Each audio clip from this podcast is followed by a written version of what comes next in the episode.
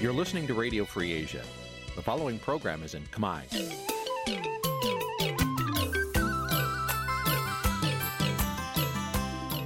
នេះជាកម្មវិធីផ្សាយ Vuthu Azizi Serai នេះជាកម្មវិធីផ្សាយរបស់ Vuthu Azizi Serai ជាភាសាខ្មែរ Vuthu Azizi Serai សូមស្វាគមន៍លោកអ្នកនាងទាំងអស់ពីរដ្ឋធានី Washington នៃសហរដ្ឋអាមេរិក ចាប់ពីរដ្ឋធានី Washington នាងខ្ញុំម៉ៅសុធានីសូមជម្រាបសួរលោកអ្នកស្ដាប់ទាំងអស់ជាទីមេត្រីចាយើងខ្ញុំសូមជូនការផ្សាយសម្រាប់ព្រឹកថ្ងៃអាទិត្យមួយកើតខែវិសាខឆ្នាំខាលចត្វាស័កពុទ្ធសករាជ2565ហើយដល់ត្រូវនៅថ្ងៃទី1ខែឧសភាគ្រិស្តសករាជ2022ជាដំបូងនេះសូមអញ្ជើញលោកអ្នកនាងកញ្ញាស្ដាប់ព័ត៌មានប្រចាំថ្ងៃដែលមានមេត្តាដូចតទៅ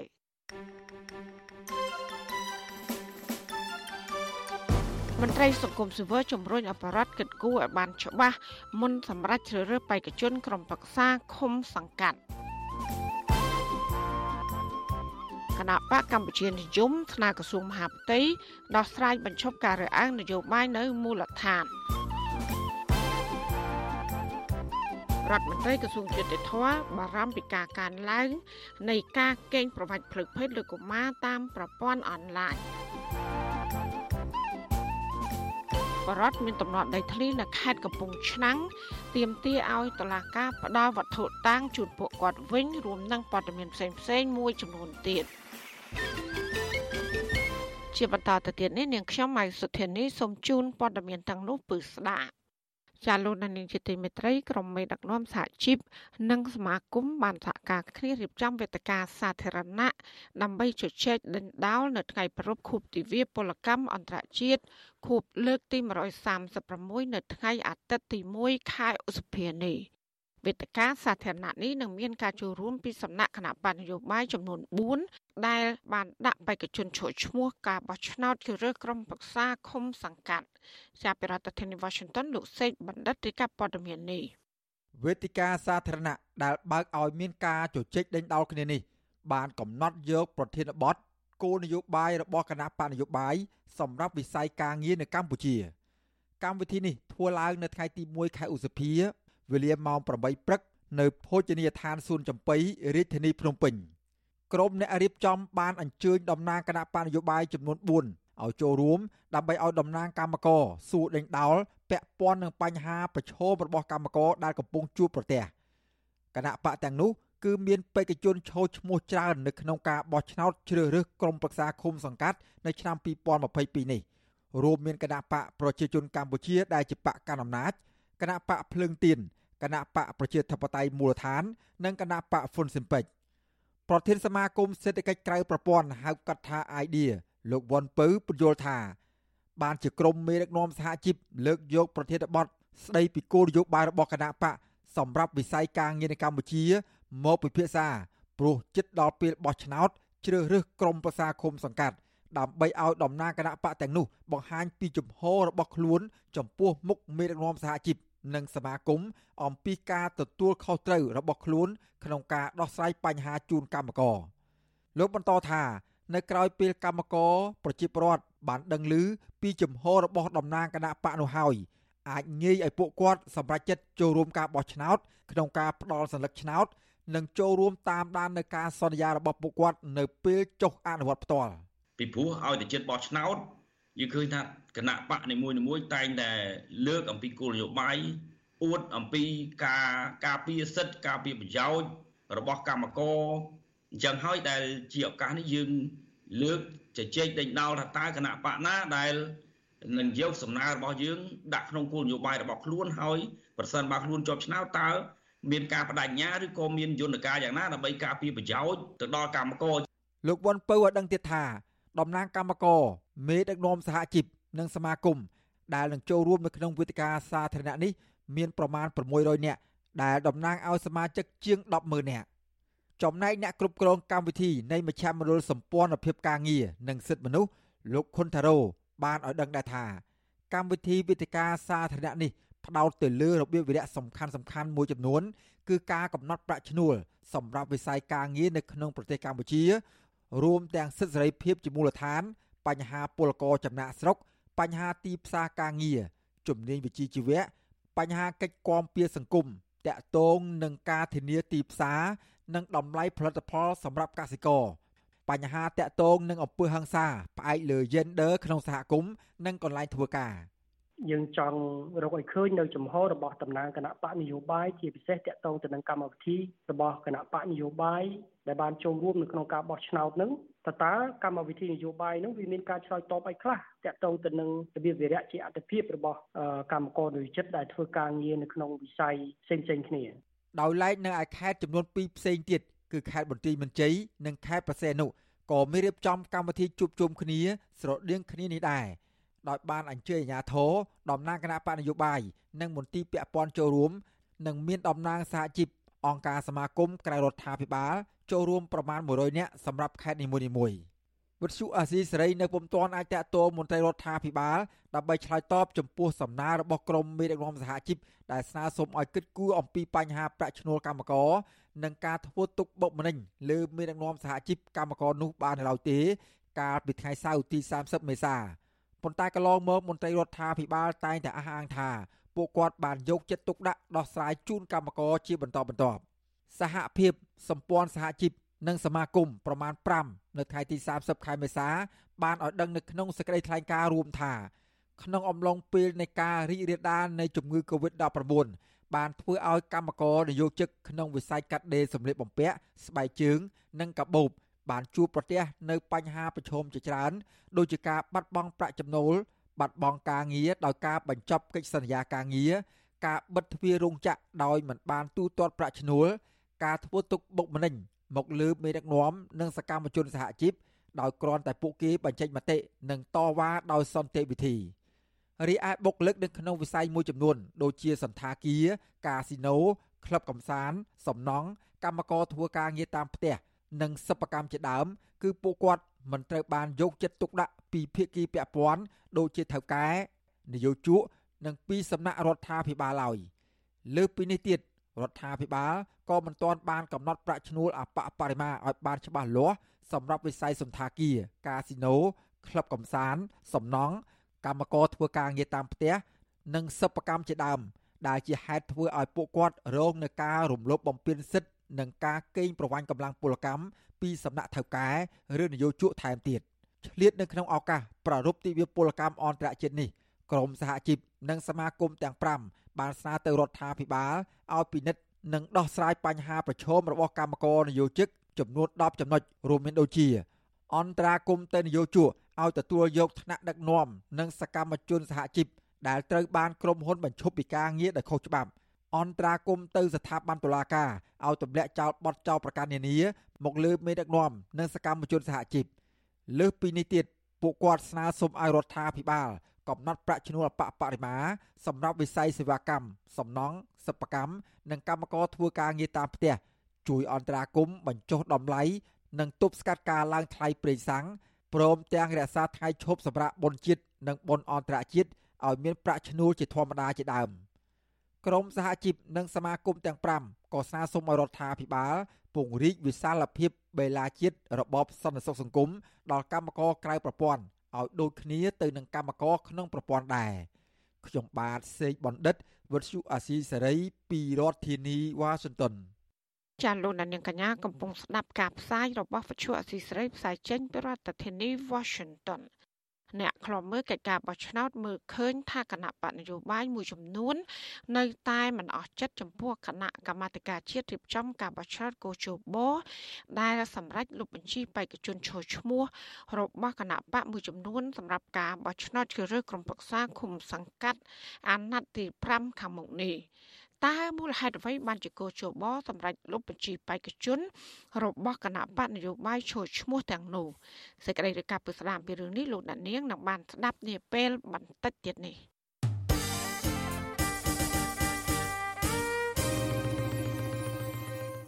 ចាលោកនានីជាទីមេត្រីពាក់ព័ន្ធនឹងការបោះឆ្នោតនេះដែរគណៈបកកម្ពុជានិយម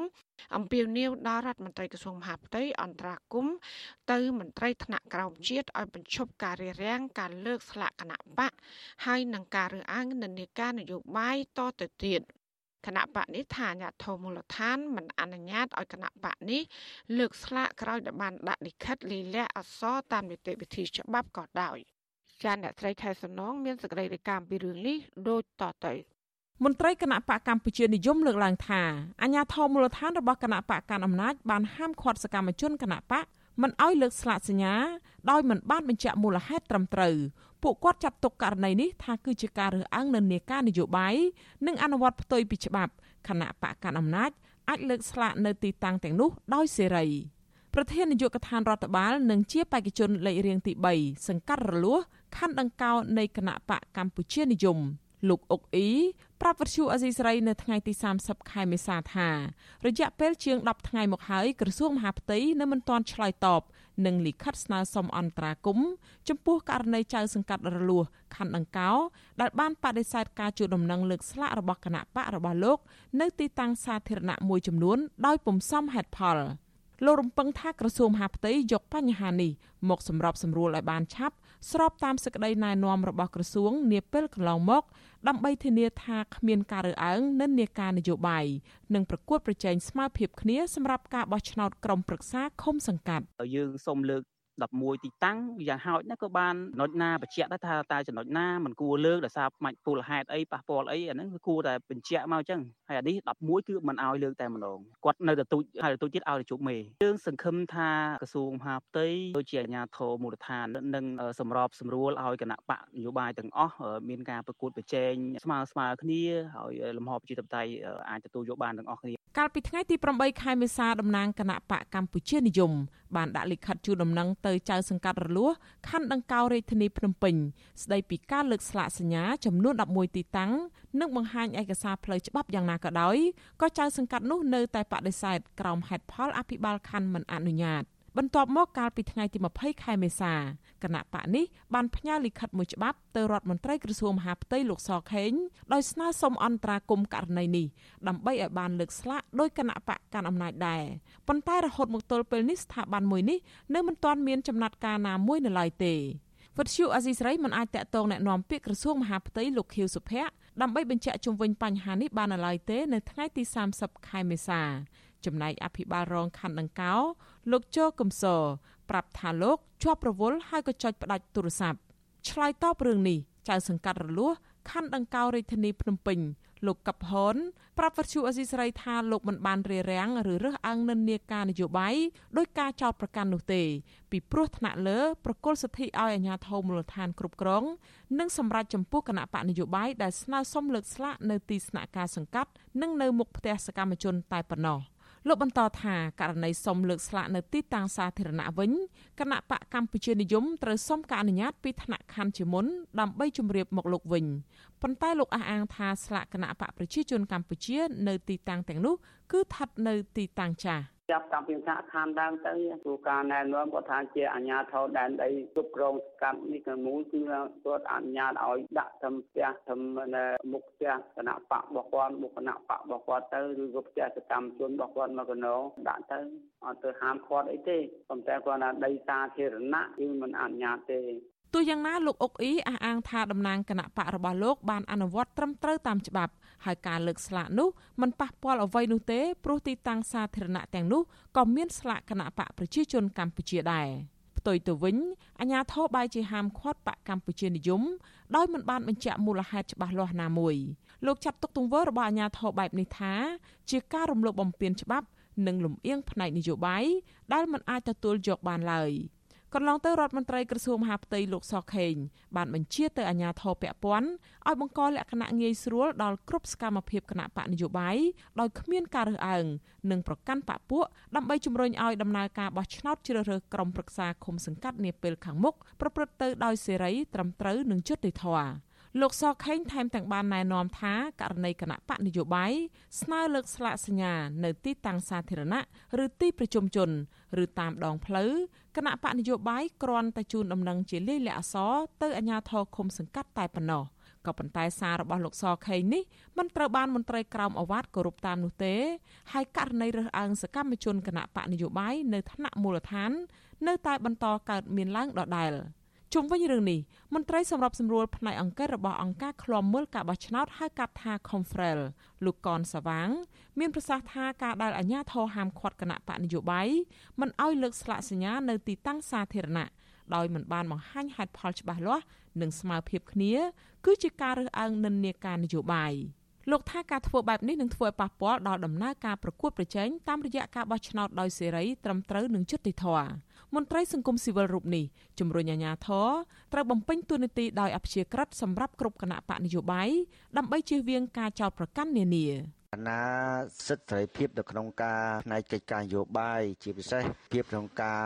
ទទួលបានផលប្រយោជន៍ស្មើស្មើគ្នាដោយតាមរយៈការលើកស្លាកសញ្ញាអញ្ចឹងបើសិនជាមិនមានការផ្ដល់ប្រយោជន៍ឲ្យបានស្មើភាពគ្នាទេចូលលើគោលការណ៍សមភាពទេនឹងគឺមានន័យថាវាប៉ះពាល់ហើយវាប៉ះពាល់យ៉ាងម៉េចវាមានន័យថាវាប៉ះពាល់ទៅដល់សិទ្ធិសេរីភាពក្នុងការចូលរួម ជាផ្នែកមួយនៃដំណើរការនៃការចូលរួមបោះឆ្នោតដោយសេរីនិងយុត្តិធម៌ដែរ ក្រៅពីអាញាធរតាមហាមឃាត់មិនឲ្យលើកស្លាកសញ្ញាគណៈបកកម្ពុជានិយមនៅរាជធានីភ្នំពេញ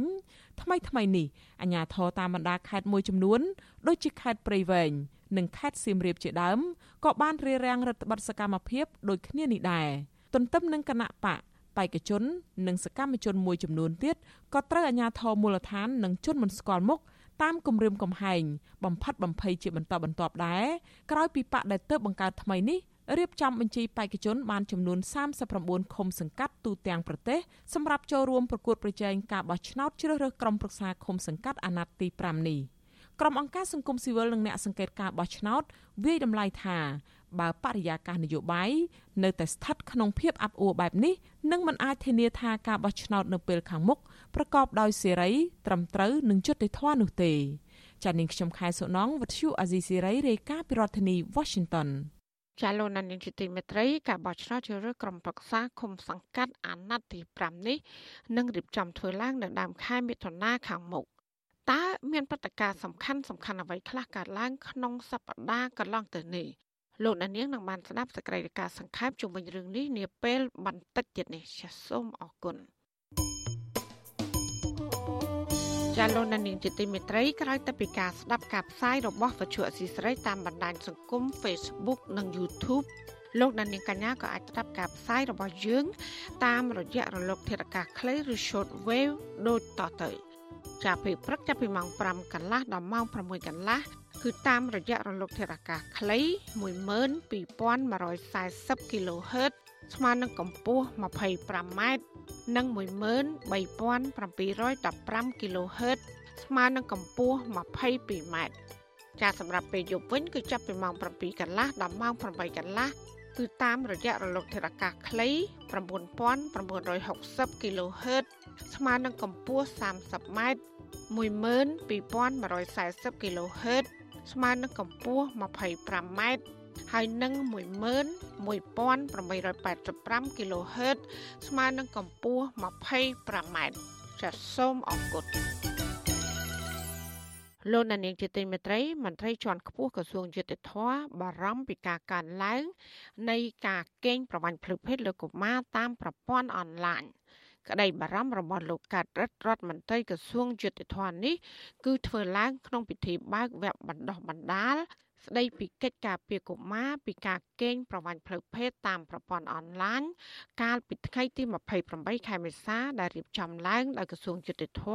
សហការជាមួយនឹងក្រុមប្រឹក្សាជាតិកម្ពុជាដើម្បីកុមារព្រមទាំងដៃគូពាក់ព័ន្ធផ្សេងទៀតគេហទំព័រក្រសួងយុតិធធឲ្យដឹងថាគោលបំណងសំខាន់នៃវគ្គបណ្ដុះបណ្ដាលនេះគឺដើម្បីលើកកម្ពស់ការយល់ដឹងរបស់ចៅក្រមបរិយាអាញានិងអាយកាអមសាលាដំបង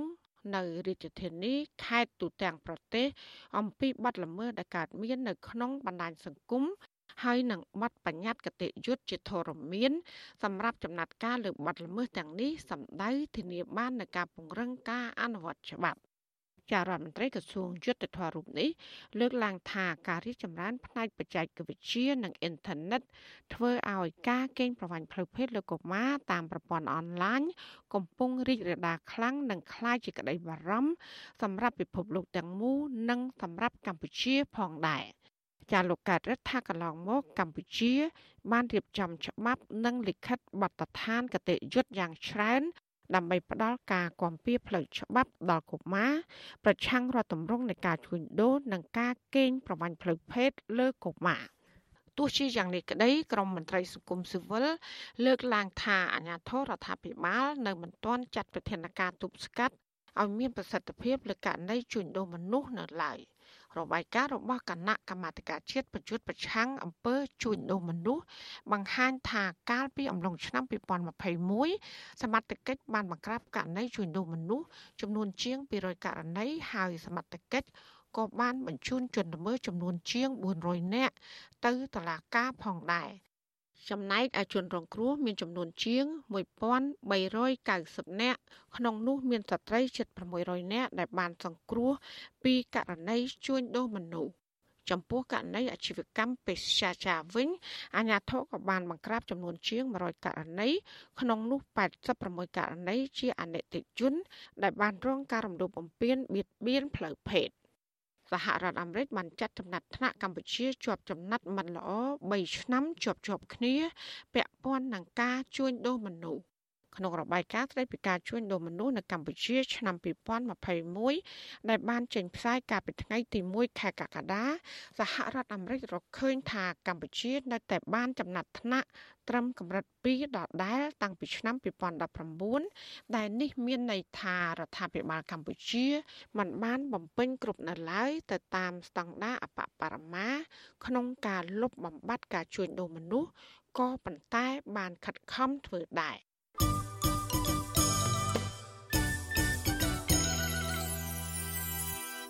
ចាលោកនានីជាទីមេត្រីក្រសួងមហាផ្ទៃក្រុងបដូរពន្ធនាគាររាជធានីភ្នំពេញឬហៅថា PG ទៅទីតាំងថ្មី នៅទន្ទឹមនេះដែរមន្ត្រីរដ្ឋាភិបាលក៏កំពុងពិចារណាបដូរទីតាំងពន្ធនាគារប្រៃសណនោះដែរចាំមន្ត្រីសង្គមស៊ីវិលថានេះគឺជារឿងល្អបើការបដូរទីតាំងនេះដើម្បីកាត់បន្ថយភាពចង្អៀតណែនក៏ប៉ុន្តែពួកគេ បារម្ភខ្លាចការចាត់ចែងដីនៅទីតាំងចាស់របស់ពន្ធនាគារនឹងមិនបម្រើប្រយោជន៍រដ្ឋ ចា៎នេះគឺជាសេចក្តីរាយការណ៍របស់លោកជាតិចំណានជំនាញព័ត៌មាននេះពន្ធនាគាររាជធានីភ្នំពេញឬពេស៊ីដែលស្ថិតនៅលើទំហំដីប្រមាណ3ហិកតានឹងត្រូវបដូរទីតាំងថ្មីគណៈក្រសួងមន្ទីររបស់រដ្ឋមួយចំនួនក៏ត្រូវបានរដ្ឋបដូរទីតាំងថ្មីទៅនៅជាក្រុងអាជ្ញាធរពន្ធនាគារអះអាងថាគម្រោងបដូរទីតាំងនេះជាផ្នែកមួយដើម្បីដោះស្រាយបញ្ហាចង្អៀតណែនក្នុងពន្ធនាគារដែលទីតាំងថ្មី មានដីធំទូលាយជាងទីតាំងចាស់អ្នកនាំពាក្យអគ្គនាយកដ្ឋានពន្ធនាគារលោកនុតសាវណ្ណា ប្រាប់វិសុអសិស្រ័យថាគម្រោងបដូរទីតាំងពន្ធនាគារនេះកំពុងស្ថិតក្នុងផែនការនៅឡើយលោកថាសាលារាជធានីភ្នំពេញជាអ្នកទទួលទីតាំងថ្មីលោកឲ្យដឹងទៀតថានៅថ្ងៃខាងមុខក៏នឹងមានការពិចារណាផងដែរក្នុងការបដូរទីតាំងពន្ធនាគារព្រៃសរ ពន្ធនាគាររាជធានីខេត្តគឺនៅជាមួយរដ្ឋបាលរាជធានីខេត្តអញ្ចឹងក្នុងមានអ្នកទទួលខុសត្រូវរួមផ្ទាល់រដ្ឋបាលរាជធានីគេអ្នកគិតគូររឿងហ្នឹងបាទហើយយើងក៏បានចូលរួមណែក្នុងការផ្ដល់យោបល់ផ្សេងផ្សេងហ្នឹងទៅតាមបច្ចេកទេសដែរហើយនឹងក្របខ័ណ្ឌច្បាប់អញ្ចឹងយើងរៀបចំនេះមិនមែនធ្វើឲ្យពិបាកជាងមុនទេគឺធ្វើឲ្យមានភាពងាយស្រួលជាងមុនក្នុងការគ្រប់គ្រងណាវិសុវស៊ីសេរីមិនអាចសុំការបញ្ជាក់បន្ថែមរឿងនេះ ពីអភិបាលរាជធានីភ្នំពេញលោកខួងស្រេងបាននៅឡើយទេនៅថ្ងៃទី30ខែមេសាចំណែកប្រធានអង្គភិបអ្នកនាំពាក្យរដ្ឋាភិបាលលោកផៃស៊ីផាននិយាយថាការបដូរទីតាំងនេះព្រោះក្រសួងមហាផ្ទៃចង់បានទីតាំងថ្មីដែលធំទូលាយនិងងាយស្រួលក្នុងការដឹកបញ្ជូនអ្នកជាប់ឃុំទៅតុលាការ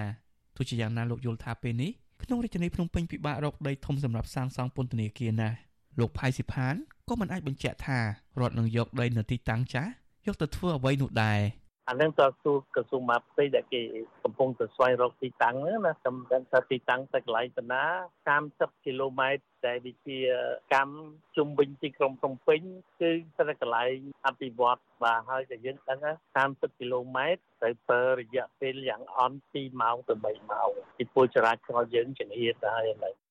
ពន្ធនាគារភ្នំពេញសពថ្ងៃមានភាពចង្អៀតណែនហើយនៅក្នុងរដូវវស្សាតែងតែរងការលិចលង់ ក្រៅពីនេះក្រុមហ៊ុនអចលនទ្រព្យមួយចំនួនកំពុងនាំគ្នាសាងសង់អគារបុរីនៅជិតជិតពន្ធនាគារជាពិសេសគឺពន្ធនាគារព្រៃសរប្រធានអង្គការសម្ព័ន្ធភាពការពារសិទ្ធិមនុស្សកម្ពុជាហៅកាត់ថាច្រាក់លោករស់សុថាលើកឡើងថាប្រសិនបើមានការផ្លាស់ប្តូរទីតាំងពន្ធនាគារដើម្បីលើកកម្ពស់សិទ្ធិអ្នកជាប់ឃុំជារឿងល្អទោះជាយ៉ាងណាលោកព្រួយបារម្ភថាការបដូរទីតាំងនេះរដ្ឋាភិបាលគ្មានឆន្ទៈគណៈពន្ធនាគារសពថ្ងៃ កំពុងរងការរិះគន់ថាគ្មានអនាម័យចង្អៀតណែននិងមានការរំលោភសិទ្ធិអ្នកជាប់ឃុំជាដើមមន្ត្រីសិទ្ធិមនុស្សរូបនេះក៏ចង់ឲ្យមានការចាត់ចែងដីដែលនៅទីតាំងចាស់ធ្វើឡើងដើម្បីបម្រើប្រយោជន៍សាធារណរដ្ឋអឺយើងកន្លងមកហ្នឹងយើងនិយាយតាមដែលខ្ញុំសង្កេតមកគឺថាមិនសូវបានចឹងគឺថាការគ្រប់គ្រងទុនធាន គេថាដីធ្លីអីហ្នឹងគឺមិនសូវមានជាតម្លាភាពប្រហែលទេណាតែមិនដឹងតើយើងដីដែលផ្លាស់ផ្លាស់ប្ដូរកន្លងមកហ្នឹងគឺយើងលក់លក់បានប្រហែលហើយយើងយកទៅប្រើអីលើអ្វីខ្លះលក់បានប្រហែលអាចច្រើនដឹងក៏ប៉ុន្តែថាវិការយកទៅប្រើយ៉ាងម៉េចគឺយើងអត់ដឹងពន្ធនាគារសពថ្ងៃមានជនជាប់ឃុំលើសកំណត់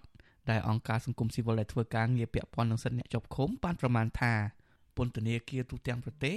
អាចផ្ទុកមនុស្សបានត្រឹមចំនួនជាង20000នាក់ប៉ុន្តែអ្នកជាប់ឃុំមានជិត40000នាក់ លោកនុតសាវណ្ណាឲ្យដឹងថារដ្ឋាភិបាលក្រុងនឹងបង្កើតពន្ធនាគារថ្មីនៅឯខេត្តកំពង់ឆ្នាំងពោធិ៍សាត់កំពង់ចាមខេត្តកែបជាដើមហើយអាជ្ញាធរក៏ត្រៀមសាងសង់ទីតាំងបន្សាបគ្រឿងញៀនផងដែរខ្ញុំបានជាចំណាន Visual ស្រីពីរដ្ឋធានី Washington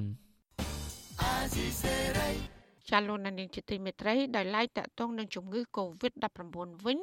ក្រសួងសុខាភិបាលរកឃើញករណីឆ្លងជំងឺនេះប្រភេទអូមីក្រុងនៅក្នុងសហគមន៍ចំនួន5នាក់បន្ថែមទៀតក៏ប៉ុន្តែมันមានករណីស្លាប់នោះឡើយ គិតត្រឹមព្រឹកថ្ងៃទី30ខែមេសាកម្ពុជា មានអ្នកកើតជំងឺ Covid-19 ត្រប់ជាង136,000នាក់ក្នុងនោះអ្នកជាសះស្បើយមានជាងប្រមាណ130,000នាក់ហើយអ្នកស្លាប់វិញមានចំនួន3056នាក់ក្រសួងសុខាភិបាលប្រកាសថាកត្រឹមថ្ងៃទី29ខែមេសារដ្ឋាភិបាល បានចាក់វ៉ាក់សាំងគ្រប់ដូសជូនបរិវត្តបានជាង14លាននាក់ រីឯដូសចំណុចទី3និងទី4រដ្ឋាភិបាលក៏បានចាក់ជូនបរិវត្តបានជិត10លានដូស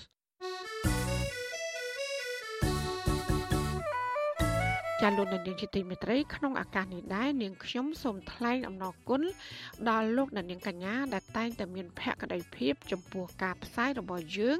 ហើយចាត់ទុកការស្ដាប់វិទ្យុអសីស្រីជាផ្នែកមួយនៃសកម្មភាពប្រចាំថ្ងៃរបស់លោកអ្នក ចាការគ្រប់គ្រងរបស់លោកនាងនេះហើយដែលធ្វើយើងខ្ញុំមានទឹកចិត្តកាន់តែខ្លាំងបន្ថែមទៀតក្នុងការស្វែងរកនិងផ្តល់ព័ត៌មានសម្រាប់ជូនលោកនាងចាំមានអ្នកស្ដាប់និងអ្នកទស្សនាកាន់តែច្រើនកាន់តែធ្វើឲ្យយើងខ្ញុំមានភាពស្វាហាប់មោះមុតជាបន្តទៀតចាយើងខ្ញុំសូមអរគុណទុកជាមុនហើយក៏សូមអញ្ជើញលោកដានៀងកញ្ញាចូលរួមជំរុញសកម្មភាពផ្តល់ព័ត៌មានរបស់យើងនេះឲ្យកាន់តែបានជោគជ័យបន្ថែមទៀត ចាលោកដានៀងអាចជួយយើងខ្ញុំបានដោយគ្រាន់តែចុចចែករំលែកឬ share ការផ្សាយរបស់យើងខ្ញុំនៅលើបណ្ដាញសង្គម Facebook និង YouTube ទៅកាន់មិត្តភ័ក្តិរបស់លោកនាង ដើម្បីឲ្យការផ្សាយរបស់យើង បានទៅដល់មនុស្សកាន់តែច្រើនចាសសូមអរគុណចាលោកនាងជាទីមេត្រីនៅឯខេត្តកំពង់ឆ្នាំងប្រជាប្រដ្ឋ3នាក់ដែលមានវិវាទដីធ្លីនៅឃុំតាចេះស្រុកកំពង់ត្រឡាច និងនៅឃុំកោះថ្កូវស្រុកជួលគិរី បានទាមទារឲ្យតុលាការខេត្តនេះផ្ដល់វត្ថុតាង ដែលតុលាការបានចាប់យក ប្រគល់ទៅឲ្យពួកគាត់វិញការទៀមទានេះធ្វើឡើងនៅបន្ទាប់ពីតឡាការបានដោះលែងអ្នកភូមិ2នាក់និងបន្តឃុំខ្លួនបរិវត្តម្នាក់ទៀតពីបទធ្វើឲ្យខូចខាតដោយចេតនានិងបទសំគំនិតធ្វើឲ្យខូចខាតដោយចេតនាកាលពីថ្ងៃទី29ខែមករាកន្លងទៅនេះសង្គមស៊ីវិលថាមន្ត្រីតឡាការបន្តផ្អឹប ទុកទ្រព្យសម្បត្តិរបស់បរដ្ឋបែបនេះ គឺជាការអនុវត្តមិនត្រឹមត្រូវចាអ្នកស្រីខែសំណងមានសេចក្តីរាយការណ៍ដាច់ដライមួយទៀតជំវិញព័ត៌មាននេះដូចតទៅពលរដ្ឋយល់ថាវត្ថុតាងជាទ្រព្យសម្បត្តិរបស់ពួកគាត់រួមមានទូរស័ព្ទដៃនិងម៉ូតូដែលតុលាការបានរក្សាទុកនោះគឺជាភស្តុតាងសំខាន់មួយសម្រាប់ដោះបន្ទុកអ្នកភូមិឲ្យរួចពីការឃុំឃាំងនិងការចោទប្រកាន់ក្នុងសំណុំរឿងប្រមទ័នតំណាងសហគមន៍ឡពៀង ស្រុកកំពង់ត្រឡាចខេត្តកំពង់ឆ្នាំងលោកស្ងួនញឿនថ្លែងនៅថ្ងៃទី30ខែមេសាថាកាលពីថ្ងៃទី30ខែមីនាពលគឺមួយខែគត់ដែលមេធាវីរបស់លោកបានដាក់ពាក្យស្នើសុំវត្ថុតាងទាំងនេះពីតុលាការមកធ្វើជាភស្តុតាងដោះបន្ទុកក្នុងសំណុំរឿងប្រមទ័នដើម្បីទទួលបានយុត្តិធម៌និងយកមកប្រកបរបរចិញ្ចឹមជីវិតឡើងវិញប៉ុន្តែលោកថាតុលាការខេត្តកំពង់ឆ្នាំងមិនបានអើពើនឹងឆ្លើយតបសំណើនេះទេ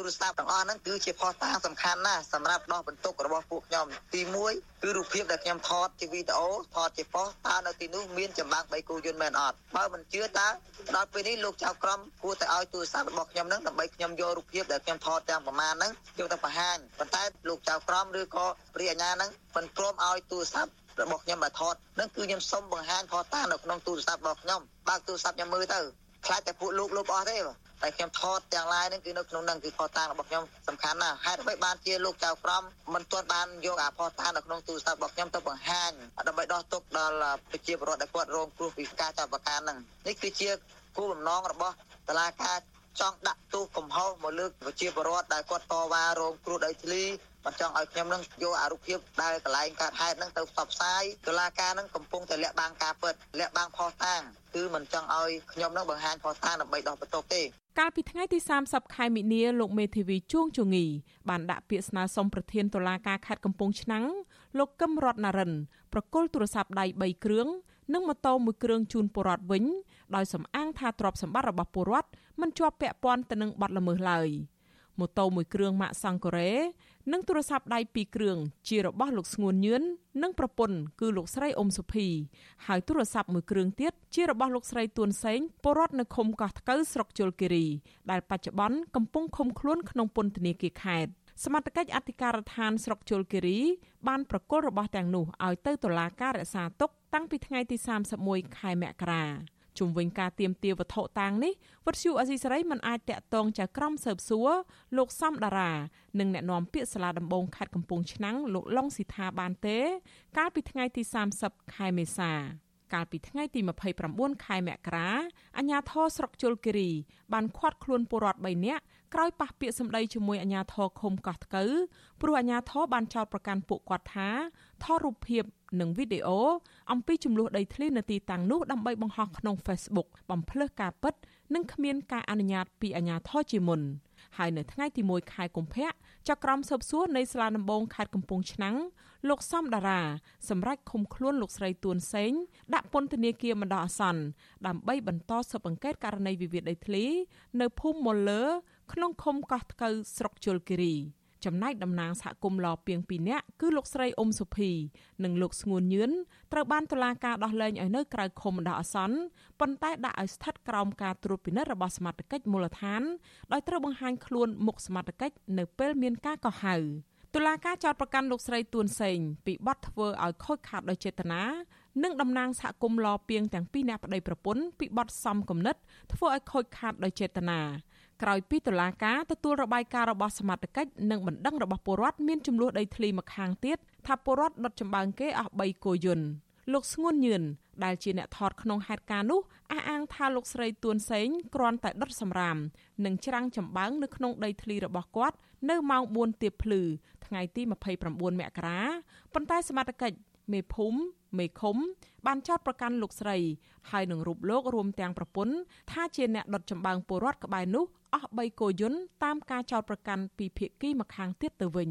បើសិនណាជាចៅក្រមរាជអាជ្ញានឹងគាត់ឆ្មាស់ត្រង់មិនត្រឹមត្រូវគួរតែគាត់យកផតានឹងមកបង្ហាញគេថានៅកន្លែងនឹងមានច្បាប់មែនអត់បង្ហាញគេមកកុំឲ្យចោទគេថាតែខ្លួនឯងជាតឡាការអាងខ្លួនឯងនឹងជាអ្នកចេះច្បាប់ អាងតែចោទគេទៅដាក់បន្ទុកលើគេទៅហើយអាគ្នាអ្នករងគ្រោះគឺនៅតែរងគ្រោះជុំវិញរឿងនេះអ្នកសម្របសម្រួលសមាគមការពារសិទ្ធិមនុស្សអាត់ហុកប្រចាំខេត្តកំពង់ឆ្នាំងលោកសំច័ន្ទគាយល់ថាការអនុវត្តរបស់មន្ត្រីតុលាការបែបនេះខុសនីតិវិធីច្បាប់ដែលពលរដ្ឋនិងមេធាវីមានសិទ្ធិដាក់បណ្ដឹងអន្តរាគមបន្ត រឿងនេះបើសិនជាដាក់រយៈពេល1ខែហើយតុលាការនៅតែមិនឆ្លើយមេធាវីក៏ដូចជាសម័យខ្លួនមានសិទ្ធិប្តឹងចៅក្រមហ្នឹងទៅក្រសួងយុតិធធឬទៅឧត្តមក្រុមប្រឹក្សានៃអង្គចៅក្រមទៅនាយកដ្ឋានព្រមត្តនដើម្បីឲ្យគេពិនិត្យមើលតើហេតុអីបានជាចៅក្រមរូបនោះលោកធ្វើផ្ទុយពីច្បាប់ឬរំលោភច្បាប់បែបហ្នឹងបាទហើយបើសិនជាវត្ថុតាងហ្នឹងវាជាពាក់ ពាក់ព័ន្ធទៅនឹងរឿងហេតុហ្នឹងចៅក្រមស៊ើបសួរហ្នឹងលោកចេញលិខិតជូនដំណឹងទៅឲ្យសម័យខ្លួនឬមេធាវីគេទៅអាហ្នឹងហើយបើសិនជាធ្វើតាមទំនឹងចិត្តអញ្ចឹងវាអស់ហើយភាពយុត្តិធម៌នៅក្នុងប្រទេសកម្ពុជានៅពេលដែលតុលាការមួយដែលជាមន្ត្រីរោគយុត្តិធម៌ឲ្យបែរជារំលោភច្បាប់ទៅវិញអាហ្នឹងវាយុត្តិធម៌នៅប្រទេសកម្ពុជាហ្នឹងកាន់តែតិចទៅតិចទៅហើយ ពលរដ្ឋអះអាងថាពួកគាត់មិនបានប្រព្រឹត្តកំហុសដោយការចោទប្រកាន់នោះទេហើយរឿងដែលកើតឡើងនេះគឺជាការរៀបចំប្រឌិតឡើងដោយអាជ្ញាធរភូមិឃុំកោះថ្កូវដើម្បីបំបាក់ស្មារតីពលរដ្ឋឲ្យឈប់ប្តឹងតវ៉ាទាមទារដំណោះស្រាយរឿងចំនួនដីធ្លីតទៅទៀត អង្គការសង្គមស៊ីវិលដែលតាមដានរឿងនេះស្នើតុលាការខេត្តកំពង់ឆ្នាំងទម្លាក់ចោលនៅការចោទប្រកាន់លើពលរដ្ឋទាំង3នាក់និងដោះលែងលោកស្រីទួនសេងឲ្យមានសេរីភាពឡើងវិញហើយជំរុញឲ្យអាជ្ញាធរពាក់ព័ន្ធដោះស្រាយបញ្ហាដីធ្លីនេះតាមយន្តការក្រៅប្រព័ន្ធតុលាការវិញចានាងខ្ញុំខែសុណងវັດឈូអាស៊ីសេរីរាយការណ៍ពីរដ្ឋធានី Washington ចាលោកនាងជាទីមេត្រីគណៈកម្មាធិការជាតិវិតម្លៃទីក្រុងស្អាត និងជ្រើសរើសយកភូមិទេសចរគំរូចំនួន3ដើម្បីចូលរួមប្រកួតប្រជែងភូមិទេសចរល្អបំផុតដែលរៀបចំឡើងដោយអង្គការទេសចរពិភពលោកលើកទី2ក្នុងឆ្នាំ2022ក្រសួងទេសចរកាលពីថ្ងៃទី29ខែមេសាលើកឡើងថាគោលបំណងសំខាន់ នៃការចូលរួមប្រកួតប្រជែងនេះគឺដើម្បីលើកកម្ពស់វិស័យទេសចរដោយផ្សព្វផ្សាយឲ្យពិភពលោក បានយល់ដឹងនិងស្គាល់អំពីវប្បធម៌និងប្រពៃណីជាតិរបស់ខ្មែរបន្ថែមពីនេះការប្រកួតប្រជែងនេះនឹងអាចជួយបង្កើនការអភិវឌ្ឍផ្នែកសេដ្ឋកិច្ចដល់ប្រជាពលរដ្ឋនៅក្នុងភូមិនានាទូទាំងប្រទេស និងជំរុញការនាំចេញផលិតផលកសិកម្មពីកសិករដោយផ្ទាល់ផងដែរភូ មិទេសចរត្រូវបានបង្កើតឡើងដោយផ្អែកលើលក្ខណៈពិសេសរបស់ភូមិនីមួយៗដោយភ្ជាប់ទំនាក់ទំនងជាមួយនឹងវប្បធម៌ធម្មជាតិបរិស្ថានបេតិកភណ្ឌសង្គមបរាណវិទ្យានិងការប្រតិបត្តិតាមប្រពៃណីរបស់អ្នកភូមិនីមួយៗក្រសួងទេសចរឲ្យដឹងថាលក្ខណៈពិសេសនៃភូមិទេសចរគំរូគឺមានចំណុចធំធំមួយចំនួនរួមមាន អភិវឌ្ឍផលិតផលទេសចរសម្ដៅជំរុញតាក់ទាញទីផ្សារទេសចរក្នុងស្រុកនិងអន្តរជាតិក្រោយពីមានវិបត្តិជំងឺ Covid-19 អាចតាក់ទាញភ្ញៀវទេសចរក្នុងស្រុកនិងអន្តរជាតិឲ្យទៅទស្សនាច្រើនដែលអាចបង្កើតការងារនិងប្រាក់ចំណូលជាច្រើនដល់ប្រជាពលរដ្ឋតាមមូលដ្ឋាន និងចូលរួមចំណែកក្នុងការអភិរក្សវប្បធម៌បរិស្ថានធម្មជាតិព្រមទាំងជីវៈចម្រុះជាដើម។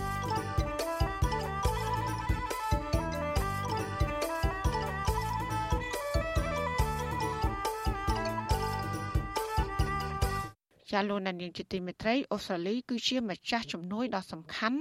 សម្រាប់ការបោសសម្អាតមាននៅកម្ពុជារយៈពេលជិត28ឆ្នាំមកនេះដែលបានជួយសង្គ្រោះជីវិតបរតខ្មែរនិងផ្ដល់សុវត្ថិភាពដល់សហគមន៍នៅតំបន់ជនបទដើម្បីលើកកម្ពស់ជីវភាពរស់នៅរបស់ពួកគេ។ ចានេះបើតាមការលើកឡើងរបស់អនុប្រធានទី1នៃអាជ្ញាធរមីនលោកលីធុចកាលពីថ្ងៃទី28ខែមេសាក្នុងពិធីចូលរួមបើកការតាំងពិព័រណ៍នៅរាជធានីភ្នំពេញលោកលីធុចក្នុងឱកាសប្រពខួប30ឆ្នាំ នៃអាញាធរអន្តរការរបស់អង្គការសហប្រជាជាតិនៅកម្ពុជាហៅកាត់ទៅអ៊ុនតាក់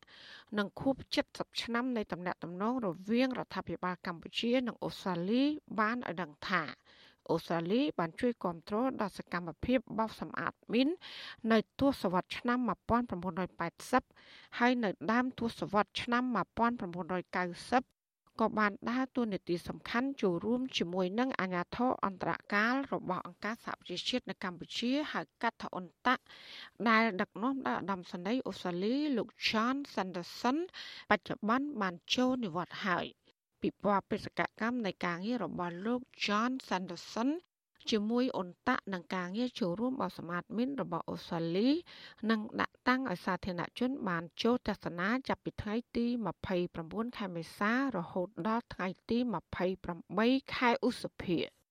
លោកលីធុចបានដឹងថាតំណែងតំណងការទូតរវាងប្រទេសទាំងពីររយៈពេល70ឆ្នាំមកនេះនៅតែមានភាពជិតស្និទ្ធល្អនិងបង្កើនសហប្រតិបត្តិការក្នុងគ្រប់វិស័យរួមមានពាណិជ្ជកម្មវិនិយោគកសិកម្មអប់រំ និងវិស័យសុខាភិបាលជាដើម។ របាយការណ៍របស់អាជ្ញាធរមានឲ្យដឹងថាចាប់ពីឆ្នាំ1979រហូតដល់ឆ្នាំ2019ប្រជាប្រដ្ឋខ្មែរប្រមាណជា720,000នាក់បានស្លាប់ដោយសារគ្រាប់មីននិងរងរបួសព្រមទាំងពិការដៃជើងជាង45,000នាក់រដ្ឋាភិបាលបដិញ្ញាបោះសម្អាតមីនឲ្យអស់ពីកម្ពុជា ត្រឹមឆ្នាំ2025ដោយត្រូវការថវិកាប្រមាណជិត380លានដុល្លារអាមេរិក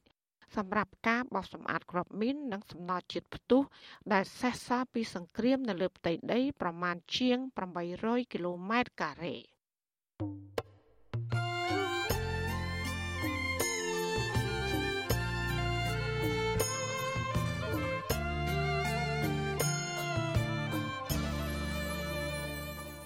លោកនានីជាទីមេត្រីនៅឯព្រំដែនកម្ពុជាថៃឯណោះវិញ ពលរដ្ឋដែលរស់នៅព្រំដែនប៉ោយប៉ែតនិងអ្នកខ្លាំមើលសិទ្ធិកម្មករសេដ្ឋកិច្ចក្រៅប្រព័ន្ធត្រេកអរដែលអាជ្ញាធរកម្ពុជានិងថៃក្រុងបើកដំណើរការច្រកព្រំដែនអន្តរជាតិប៉ោយប៉ែតឡើងវិញនៅថ្ងៃទី1ខែឧសភានេះ ពួកគាត់លើកឡើងថាការបើកច្រកព្រំដែនអន្តរជាតិដ៏សំខាន់នេះមិនត្រឹមតែសម្រួលដល់ការឆ្លងដែនរបស់ប្រជារដ្ឋកម្ពុជាថៃនិងជនបរទេសប៉ុណ្ណោះទេក៏ប៉ុន្តែធ្វើឲ្យប្រជារដ្ឋនៅតាមព្រំដែនអាចងាយស្រួលប្រកបរបរចិញ្ចឹមជីវិតខណៈដែលពួកគាត់រងផលប៉ះពាល់ជីវភាពជាខ្លាំងបន្ទាប់ពីបានបិទព្រំដែនអស់ជាង2ឆ្នាំ។ នៅតាមច្រកទ្វារអន្តរជាតិក្រុងប៉ោយប៉ែតខេត្តបន្ទាយមានជ័យអាជ្ញាធរកម្ពុជានិងថៃនៅថ្ងៃទី30ខែមេសាបាននាំគ្នាបោសសម្អាតលាងជម្រះផ្លូវថ្នល់ដើម្បីបើកទទួលឲ្យប្រជាជននៃប្រទេសទាំងពីរនិងភ្ញៀវអន្តរជាតិធ្វើដំណើរចេញចូលដោយងាយចាប់ពីថ្ងៃទី1ខែឧសភាអ្នកចេញចូលត្រូវតែមានលិខិតឆ្លងដែនឬ passport ឬក៏ប័ណ្ណឆ្លងដែនភ្ជាប់ជាមួយប័ណ្ណចាក់វ៉ាក់សាំងទើបអាចឆ្លងដែនបាន។ ការបើកនៅថ្ងៃដំបូងនេះអាជ្ញាធរនៃប្រទេសទាំងពីរក៏បានត្រៀមកម្លាំងសមត្ថកិច្ចជាច្រើនអ្នកដើម្បីរៀបចំដណ្ដាប់ធ្នាប់ហើយរំពឹងថានឹងមានមនុស្សច្រើនឆ្លងកាត់ព្រំដែននៃប្រទេសទាំងពីរ បរដ្ឋម្នាក់ដែលរស់នៅក្រុងប៉ោយប៉ែតលោកជូវ៉ាបានប្រាប់បច្ចុប្បន្នស៊ីស្រីនៅថ្ងៃទី30ខែមេសា ថាលោកសាទរចំពោះការបើកច្រកព្រំដែនឡើងវិញព្រោះបរដ្ឋនៅប៉ោយប៉ែតនឹងមានការងារធ្វើដោយធម្មតាលោកបន្ថែមថាក្រោយពីមានជំងឺ Covid-19 នៅក្រុងប៉ោយប៉ែតមានមនុស្សធ្វើដំណើរតិចតួចប៉ុណ្ណោះมันបានអ៊ូអរដូចពីមុននោះឡើយ លោកបន្តថានៅពេលឮថាបើកឲ្យចេញចូលវិញ ម្នាក់ម្នាក់មានចិត្តសប្បាយរីករាយហើយយល់ថាស្ថានភាពនៃជំងឺ Covid-19 បានធូរស្រាលឡើងវិញបាទតើតាមអ្នកនៅជីដែននេះតើគេបើកច្រកគឺមានចិត្តសប្បាយបងព្រោះយើងអាចនឹងមានចំណូលជាងដែលបន្ទាត់បើកចឹងណា ចំណែកឯប្រធានសមាគមពង្រឹងសេដ្ឋកិច្ចក្រៅប្រព័ន្ធលោកដិនពុទ្ធីក៏បានស្វាគមន៍ចំពោះការបើកច្រកព្រំដែននេះដែរលោកថាការបិទព្រំដែនកន្លងមកនេះ វាមានផលប៉ះពាល់សេដ្ឋកិច្ចយ៉ាងខ្លាំងដល់កម្មករអរទេសអ្នករត់ម៉ូតូឌុបនិងអ្នកលក់ទំនិញខ្នាតតូច លោកឲ្យដឹងថាពេលបិទច្រកព្រំដែននោះឃើញថាប្រជាប្រដ្ឋខ្មែរមានផលលំបាកច្រើនជាងប្រជាប្រដ្ឋថៃពីព្រោះខ្មែរយើងចូលទៅលក់ដូរនៅថៃជាច្រើនប្រជាពលរដ្ឋនៅប៉ោយប៉ែតគឺទី1ស្នើសុំឲ្យបងប្អូនប្រជាពលរដ្ឋទាំងអស់អាចជិញ្ជូនរោគទទួលទាន ទាំងអស់គ្នាណាទាំងកម្មករអូរទេសម៉ូតូឌុបម៉ូតូឌុបចឹងនិយាយថាម៉ូតូឌុបគាត់អាចដឹកអីវ៉ាន់ចេញមកនៅច្រកហ្នឹងចឹងនិយាយចឹងណាហើយអាជីវករអីហ្នឹងអាចជិញ្ជូនតាមធម្មតាដូចមុនវិញហ្នឹងគឺជាសំណូមពររបស់ប្រជាពលរដ្ឋបើមិនជាបើកនៅមានកម្រិតក៏គាត់នៅតែពិបាកដែរហ្នឹងសម្រាប់យើងមើលស្ថានភាពរយៈពេលកន្លងមកកម្មករអូរទេសគាត់មិនមែនគាត់មិនដែលប្រើបានព្រំដែនហ្នឹងទេជាតង់លេថាបតផាសហ្នឹងហើយ វត្ថុអសីស្រីបានតាក់ទងទៅអភិបាលខេត្តបន្ទាយមានជ័យលោកអ៊ុំរាត្រី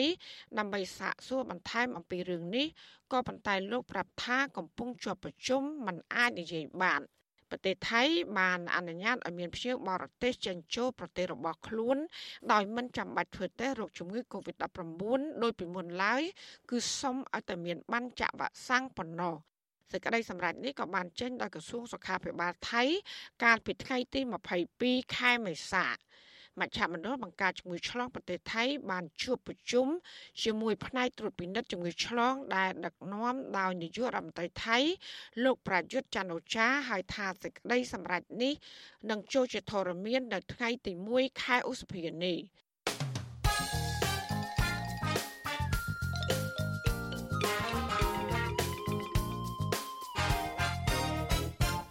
ចាលោកនានីជាទីមេត្រីការបោះឆ្នោតជ្រើសរើសក្រុមប្រឹក្សាឃុំសង្កាត់អាណត្តិទី5នឹងរៀបចំធ្វើនៅថ្ងៃទី5ខែមិថុនាខាងមុខតើនៅក្នុងអំឡុងពេលមួយសប្តាហ៍កន្លងមកនេះមានព្រឹត្តិការណ៍សំខាន់សំខាន់អ្វីខ្លះបានកើតឡើងចាត់ជាបន្តទៅទៀតនេះលោកជាតិចំណាននឹងដកត្រង់សង្ខេបនៅព្រឹត្តិការណ៍សំខាន់សំខាន់ទាំងនោះមកជម្រាបជូនលោកណានៀងដូចតទៅលោកសំរងស៊ីប្រធានស្ដីទីគណៈបកសង្គ្រោះជាតិ អះអាងប្រាប់វិសុអេស៊ីសរ៉ៃថាសហភាពអឺរ៉ុបចង់ឲ្យកម្ពុជារៀបចំការបោះឆ្នោតឲ្យបានត្រឹមត្រូវមានដំណាភាពនិងយុត្តិធម៌ទន្ទឹមនឹងនេះសហភាពអឺរ៉ុបក៏ទាមទារឲ្យតុលាការបញ្ចប់ករណីសំណុំរឿងលោកកឹមសុខាប្រធានគណៈបកសង្គ្រោះជាតិនិងអនុញ្ញាតឲ្យគណៈបកនេះអាចដំណើរការឡើងវិញពាក់ព័ន្ធទៅនឹងប្រធានគណៈបកសង្គ្រោះជាតិវិញមន្ត្រីសិទ្ធិមនុស្សដែលខ្លំមើលសវនកម្មលោកកឹមសុខាសង្កេតឃើញថាសំណួររបស់តុលាការភាគច្រើនជាសំណួរដាក់បន្ទុកទៅលើប្រធានគណៈបកប្រឆាំងរូបនេះ និងមានបំណងទាញលោកកឹមសុខាឲ្យពាក់ព័ន្ធទៅនឹងការធ្វើបាតកម្មប្រឆាំងលទ្ធផលឆ្នោតកាលពីឆ្នាំ2013ស្តៀងគ្នានេះដែរមេធាវីការពីក្តីលោកកឹមសុខាលើកឡើងថាសាវនាការនេះมันមានភាពជឿនលឿនទៅមុខនោះទេព្រោះតុលាការព្យាយាមសួរសំណួរដែលមិនពាក់ព័ន្ធនឹងអង្គហេតុនៃការចោទប្រកាន់លោកកឹមសុខាបាទតើតើនឹងរឿងស្ថាបនិកគណៈបកបេដងជាតិវិញមេធាវីការពីក្តីឲ្យលោកសៀមភ្លុកដែលជាស្ថាបនិកគណៈបកនេះបានដាក់ពាក្យប្តឹងតវ៉ាទៅសាលាឧទ្ធរ ទាមទារឲ្យសាលាដំបងរាជធានីភ្នំពេញដោះលែងកូនក្តីឲ្យមានសេរីភាពឡើងវិញមេធាវីការពីក្តីលោកសៀមភ្លុកគឺលោកជួងជុងងីថ្លែងថាលោកបានដាក់ពាក្យប្តឹងទៅសាលាឧទ្ធរនៅថ្ងៃទី29ខែមេសាតវ៉ាចំពោះសាលាដំបងរាជធានីភ្នំពេញដែលបានសម្រេចឃុំខ្លួនកូនក្តីរបស់លោកដោយអយុត្តិធម៌មិនស្របតាមនីតិវិធីច្បាប់ការប្តឹងផ្តល់ស្ថាបនិកគណៈបកបេដងជាតិទៅតុលាការនេះគឺបន្ទាប់ពីអ្នកនាំពាក្យក្រសួងមហាផ្ទៃលោកខៀវសុភ័ក្រនិងអ្នកនាំពាក្យគណៈបកកាន់អំណាចលោកសុកអេសាន ចោទថាគណៈបកនេះមានលោកសំរងស៊ីនៅពីក្រោយពាក់ព័ន្ធនឹងរឿងគណៈកម្មាធិការជាតិរៀបចំការបោះឆ្នោតវិញម្ដងក៏ចូលបននឹងផ្សព្វផ្សាយកម្មវិធីស្វែងយល់អំពីការបោះឆ្នោតជ្រើសរើសក្រុមប្រឹក្សាគុំសង្កាត់អាណត្តិទី5តាមរយៈស្ថានីយទូរទស្សន៍ជាតិនិងតាមវិទ្យុ FM នៅទូទាំងប្រទេសសម្រាប់រយៈពេល35ថ្ងៃគឺចាប់ពីថ្ងៃទី30ខែមេសានេះរហូតដល់ថ្ងៃទី3ខែមិថុនាកន្លងមកអង្គការសង្គមស៊ីវិលជាង60ស្ថាប័នបានចេញផ្សាយសេចក្តីថ្លែងការណ៍រួមស្នើឲ្យរដ្ឋាភិបាលលោកហ៊ុនសែន ធានានៅលក្ខខណ្ឌអបបរមា6ចំណុចដើម្បីឲ្យមានការបោះឆ្នោតមួយដែលប្រព្រឹត្តទៅដោយសេរីត្រឹមត្រូវនិងយុត្តិធម៌បាទពាក់ព័ន្ធនឹងរឿងនេះដែរមេឃុំចៅសង្កាត់មកពីគណៈបកមួយចំនួនលើកឡើងថាផ្អែកទៅលើស្នាដៃសមត្ថភាពនិងគោលនយោបាយរបស់ពួកគេពួកគេរំពឹងថាប្រជាពលរដ្ឋបោះឆ្នោតផ្ដល់សេចក្តីទុកចិត្តដើម្បីមានឱកាសដឹកនាំឃុំសង្កាត់ដើម្បីអភិវឌ្ឍនៅថ្នាក់មូលដ្ឋានស្របតាមគោលការណ៍ប្រជាធិបតេយ្យបន្តទៀតមន្ត្រីសង្គមស៊ីវិលមើលឃើញថា បច្ចុប្បន្នអ្នកបោះឆ្នោតយកច្បាស់អំពីគុណសម្បត្តិរបស់បេក្ខជនទាំងនោះមុនពេលសម្រេចចិត្តជ្រើសរើសយកធ្វើជាតំណាងដឹកនាំរបស់ពួកគាត់បាទរដ្ឋមន្ត្រីក្រសួងមហាផ្ទៃលោកសខេងបានផ្ញើសារទៅមន្ត្រីរាជការស៊ីវិលកុំឲ្យប្រើប្រាស់ធនធានរដ្ឋដើម្បីបម្រើផលប្រយោជន៍ក្នុងផលនយោបាយនៅអំឡុងឃោសនាបោះឆ្នោតអ្នកសម្របសម្រួលផ្នែកអង្គការនឹងតស៊ូមតិនៃអង្គការ Confrere លោកកនសវាងយល់ឃើញថាអង្គការមិនមែនរដ្ឋាភិបាលពុំដែលទទួលបានព័ត៌មានស្ដីពីការពិន័យ ទៅលើភ្នាក់ងារគណៈបកនយោបាយដែលអនុវត្តផ្ទុយពីគោលការណ៍កំណត់ដោយកោជបម្ដងណានោះទេប៉ុន្តែលោកថាសង្គមស៊ីវិលបានទទួលត្រឹមតែព័ត៌មានអំពីមន្ត្រីរាជការស៊ីវិលនៅទីតាំងខ្លះបានប្រើប្រាស់ធនធាននិងម៉ោងការងាររដ្ឋបាលរបស់រដ្ឋលួចទៅជួយឃោសនានិងចុះពង្រឹងបកបាទការពីពេលថ្មីថ្មីនេះលោកសខេងបានអំពាវនាវឲ្យគ្រប់គណៈបកនយោបាយប្រជាពលរដ្ឋអង្គការសង្គមស៊ីវិលនិងអ្នកអង្គការការជាតិនិងអន្តរជាតិ ឲ្យចូលរួមថែរក្សាសន្តិសុខសន្តិភាពសាធារណៈជាពិសេសក្នុងដំណើរការបោះឆ្នោតដើម្បីឲ្យដំណើរការបោះឆ្នោតឃុំសង្កាត់និងការបោះឆ្នោតបន្តបន្ទាប់ប្រព្រឹត្តទៅដោយភាពស្ងៀមស្ងាត់គ្មានអំពើហិង្សាគ្មានការគំរាមកំហែងសេរី ត្រឹមត្រូវយុត្តិធម៌និងមានតម្លាភាពខ្ញុំបាទយុទ្ធចំណាន Visual Society ពីរដ្ឋធានី Washington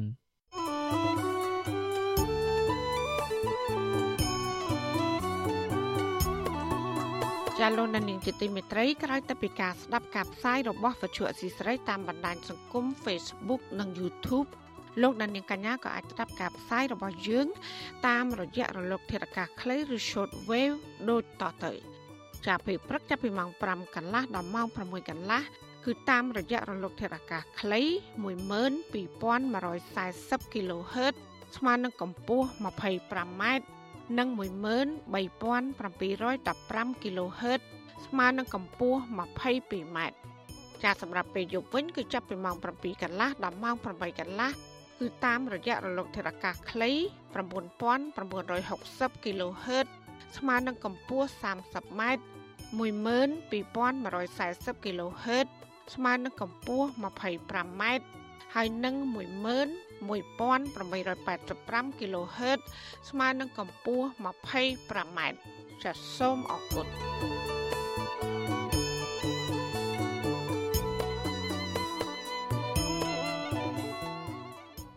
ចាលោកនានីជាទីមេត្រីអ្នកខ្លំមើលកិច្ចការបោះឆ្នោត មើលឃើញថាគណៈបកនយោបាយមួយចំនួននៅតែមិនអស់ចិត្តចំពោះគណៈកម្មាធិការជាតិចំការបោះឆ្នោតកោជបដែលបានសម្រេចលុបបញ្ជីបេក្ខជនឈរឈ្មោះរបស់គណៈបកមួយចំនួនសម្រាប់ការបោះឆ្នោតជ្រើសរើសក្រុមប្រឹក្សាឃុំសង្កាត់អាណត្តិទី5ខាងមុខតើមូលហេតុអ្វីបានជាកោជបសម្រាប់លុបបញ្ជីបេក្ខជនរបស់គណៈបកនយោបាយដែលបានឈរឈ្មោះទាំងនោះ ចាប់ពីរដ្ឋធានី Washington លោកមានរិទ្ធមានសេចក្តីរាយការណ៍ពិស្ដារជុំវិញបញ្ហានេះគិតមកទល់ពេលនេះដំណាក់កាលនៃការចុះបញ្ជីបេក្ខជនឈរឈ្មោះបោះឆ្នោតការដោះស្រាយបណ្ដឹងតវ៉ាតាក់ទងទៅនឹងការចុះបញ្ជីបេក្ខជន និងការបិទផ្សាយបញ្ជីបេក្ខជននៅតាមឃុំសង្កាត់ បានបិទបញ្ចប់ហើយដំណាក់កាលបន្ទាប់គឺការចុះឈ្មោះភ្នាក់ងារគណៈបញ្ញយោបាយនិងការចែកបានព័ត៌មានអ្នកបោះឆ្នោតនៅតាមភូមិដែលនឹងត្រូវបិទបញ្ចប់នៅថ្ងៃទី16ខែឧសភាឆ្នាំនេះ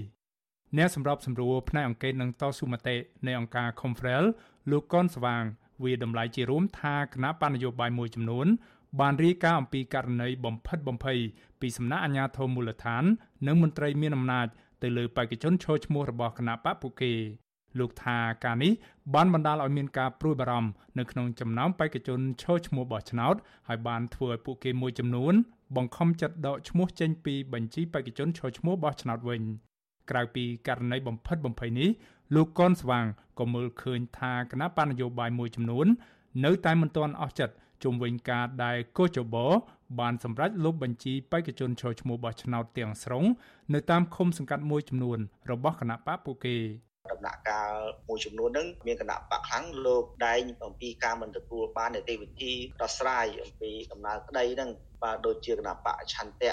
ប្រជាពលរដ្ឋអីជាដើម ដែលលោកមិនបានទទួលព័ត៌មានអំពីការដោះស្រាយនិងមួយទៀតតកតងលើរឿងការលុបបញ្ជីហ្នឹងដែលដំណើរការដោះស្រាយហ្នឹងទៅលើគណៈបកភ្លើងទៀនដែលចំនួន11ឃុំសង្កាត់ហ្នឹងដែលធ្វើឲ្យលោកនៅតែមិនអស់ចិត្តដោយសារតែនៅក្នុងដំណើរការនេះវាធ្វើឲ្យមានការបាត់បង់បញ្ជីនៅក្នុងការពុតប្រជែង ដែលដំណើររឿងនេះមានអ្នកខ្លះក៏បានគ្រប់តាមលក្ខខណ្ឌហើយមានបេក្ខជនខ្លះក៏មិនទាន់បានគ្រប់តាមលក្ខខណ្ឌហើយធ្វើឲ្យគាត់មានការមិនទាន់អស់កង្វល់ហើយនៅតែមានការទីទាលោកកនស្វាង បន្តថាកោជបតែងតែបកស្រាយថាការលុបបញ្ជីបេក្ខជនទាំងស្រុងរបស់គណៈបញ្ញយោបាយនៅតាមឃុំសង្កាត់មួយចំនួន គឺធ្វើឡើងដោយផ្អែកតាមនីតិវិធីច្បាប់ ក៏ប៉ុន្តែលោកថាលោកមើលមិនឃើញ ថាមាននីតិវិធីជាក់លាក់ណាមួយ នៅក្នុងច្បាប់ដែលតម្រូវឲ្យកោចប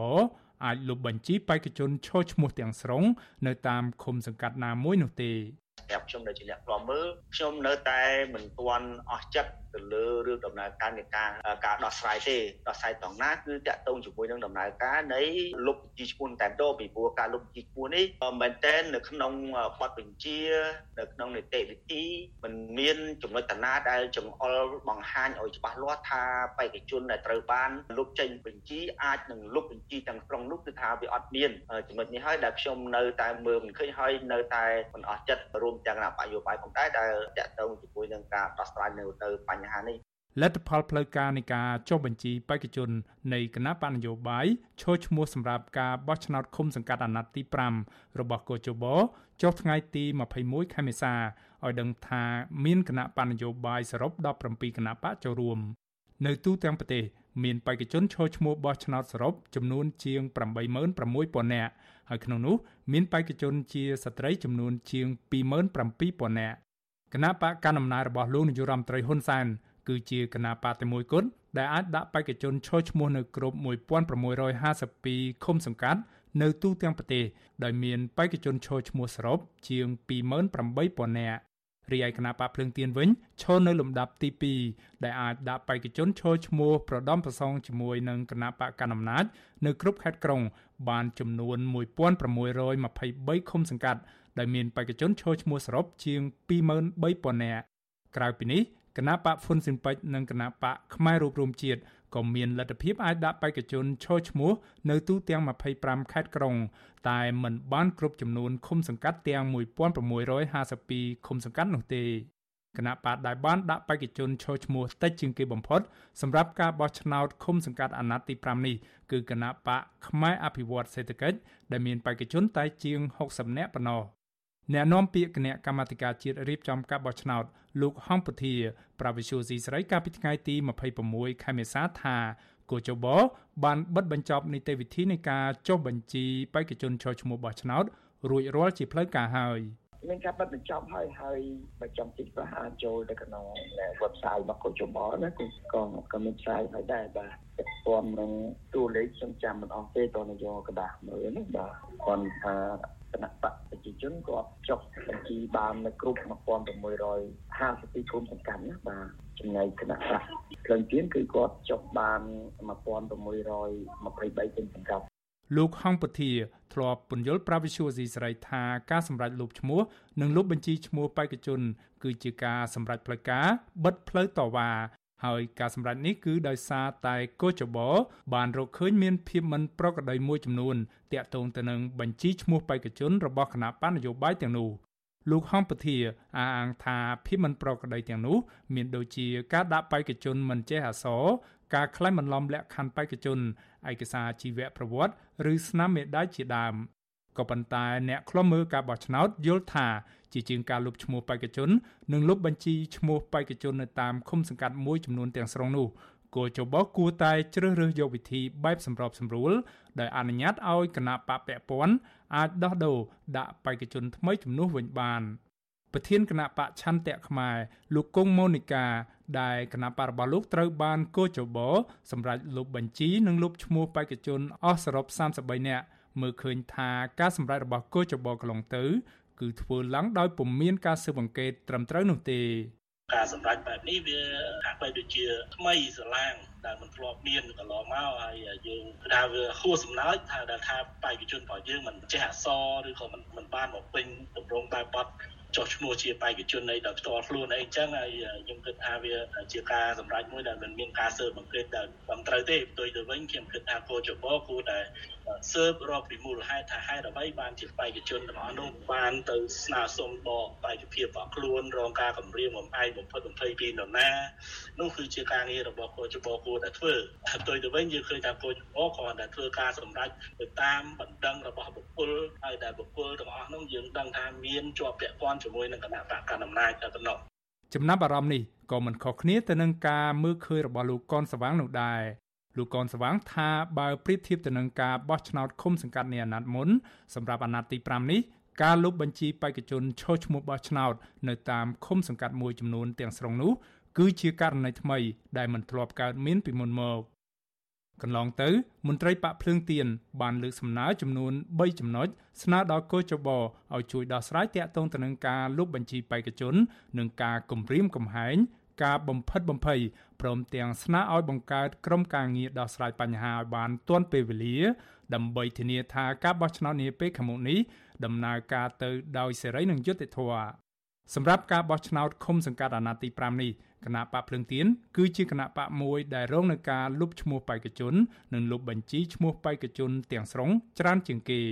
គូចបបានលុបឈ្មោះបេក្ខជនរបស់គណៈបកនេះចំនួន86នាក់និងបានលុបបញ្ជីបេក្ខជនទាំងស្រុងរបស់គណៈបកនេះសរុបចំនួន11បញ្ជីនៅទូទាំងប្រទេសដែលធ្វើឲ្យគណៈបកនេះបាត់បង់បេក្ខជនឈរឈ្មោះបោះឆ្នោតយ៉ាងហោចណាស់សរុបជាង300នាក់នៅទូទាំងប្រទេសក្រៅពីនោះគោចបក៏បានលុបបញ្ជីទាំងស្រុងរបស់គណៈបកសម្បុកឃុំសង្គមប្រជាធិបតេយ្យចំនួន1បញ្ជី និងគណៈបកឆន្ទៈខ្មែរចំនួន1បញ្ជី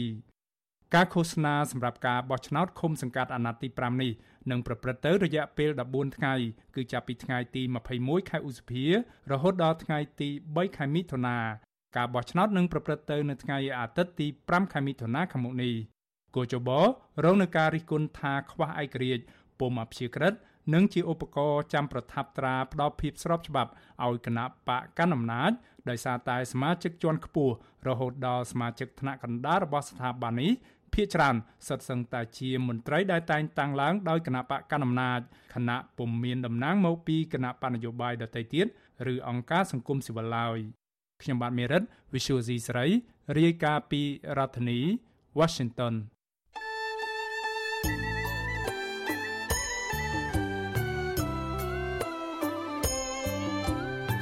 ចាលោកនាងកញ្ញាអ្នកស្ដាប់ទទីមេត្រីកັບផ្សាយរយៈពេល1ម៉ោងនៃវិទ្យុអាស៊ីស្រីជាភាសាខ្មែរនៅពេលនេះចាប់តែប៉ុណ្ណេះ